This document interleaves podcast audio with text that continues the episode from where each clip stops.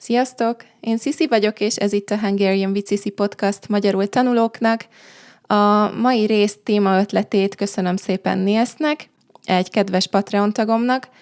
Ebben az epizódban ahhoz adok néhány tippet, ötletet, inspirációt, hogy hogy lehet tanulni a javításból, amikor például írsz egy szöveget, és egy tanár kiavítja, vagy magyar órán kiavítják, amit mondasz, akkor utána mit lehet mm, kezdeni ezzel a javítással, hogy lehet tanulni belőle, hogy lehet jóra használni.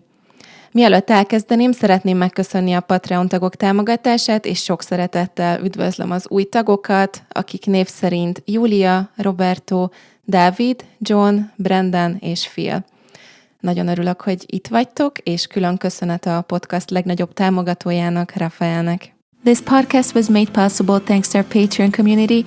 By joining us, you can access the podcast transcripts and other materials and services for improving your Hungarian. If you want to join us, go to patreon.com slash Hungarian with Cici.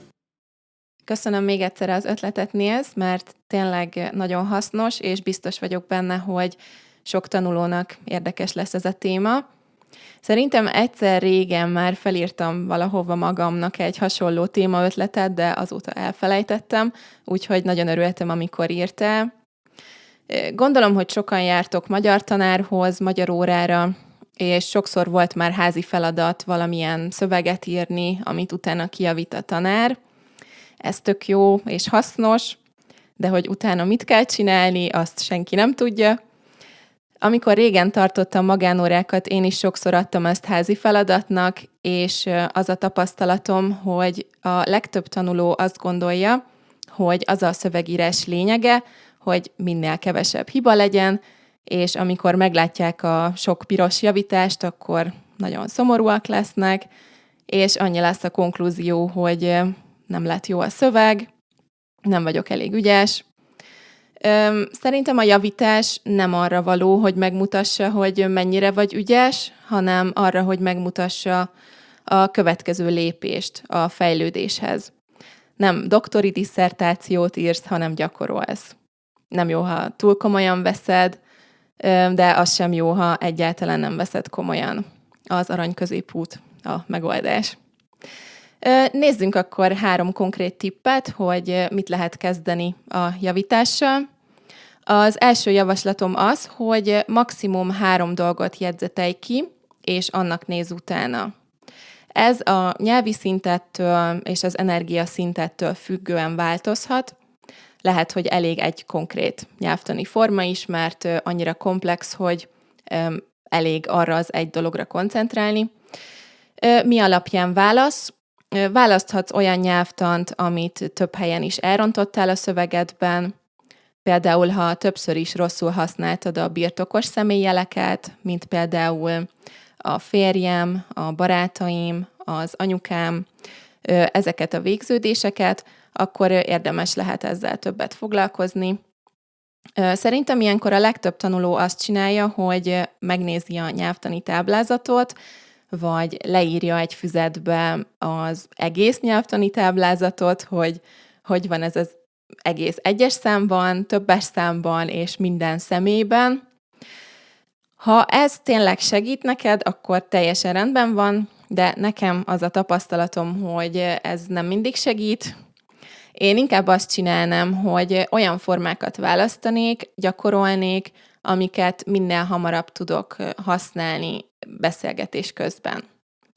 Például, ha van férjed vagy feleséged, akkor biztos, hogy nagyon fontos lesz neked tudni, hogy hogy mondják magyarul azt, hogy with my wife, a feleségemmel, with my husband, a férjemmel.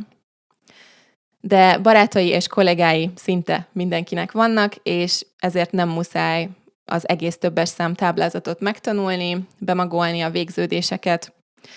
Nézd meg egy online fordítóban, hogy hogy van magyarul az, hogy my friends, a barátaim, vagy with my friends, a barátaimmal, mert ezek biztos hasznosak lesznek a mindennapi életben.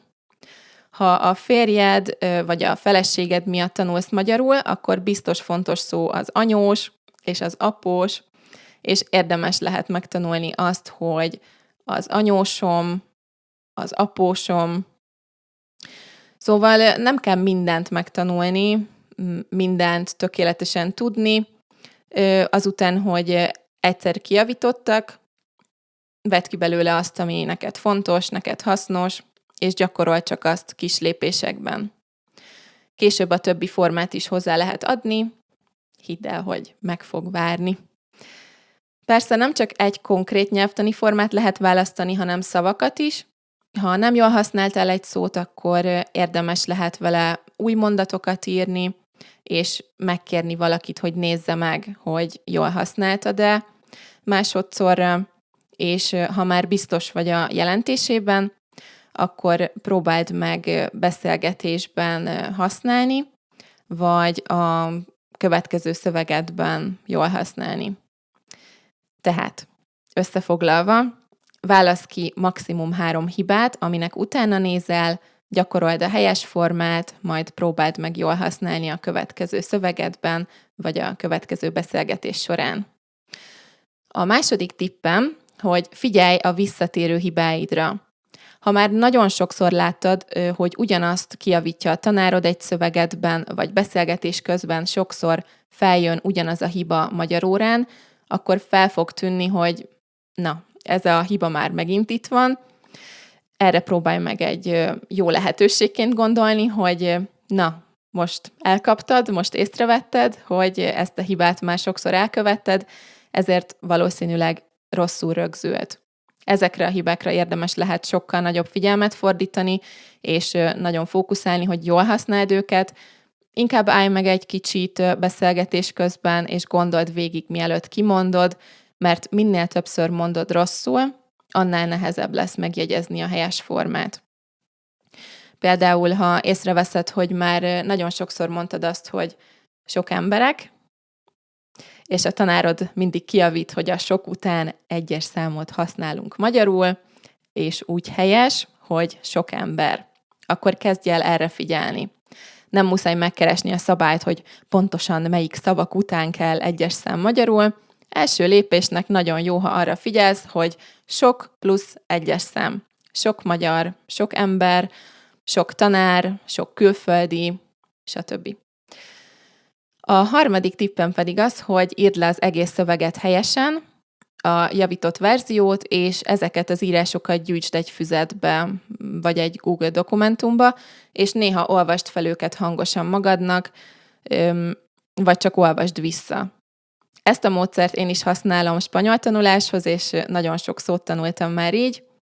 Maximum fél oldalas szövegeket írok, és kb.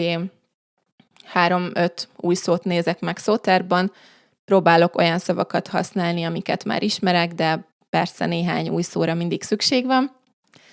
Mivel emlékszem, hogy miről szól a szövegem, hogy mi volt a téma, ezért a kontextusból érteni fogom az új szót is. És ha sokszor kimondom hangosan, vagy sokszor elolvasom, akkor egy idő után megjegyzem. Na, szerintem elmondtam mindent, amit akartam. Úgyhogy köszönöm szépen, hogy itt voltatok és meghallgattatok. Ha hasznos volt ez az epizód, oszd meg egy magyarul tanuló barátoddal. Patreon tagoknak pedig elérhető a leírat szólistával és magyarázattal. Ha érdekel, a leírásban találod a linket. Nem sokára találkozunk a következő részben. Addig is sziasztok!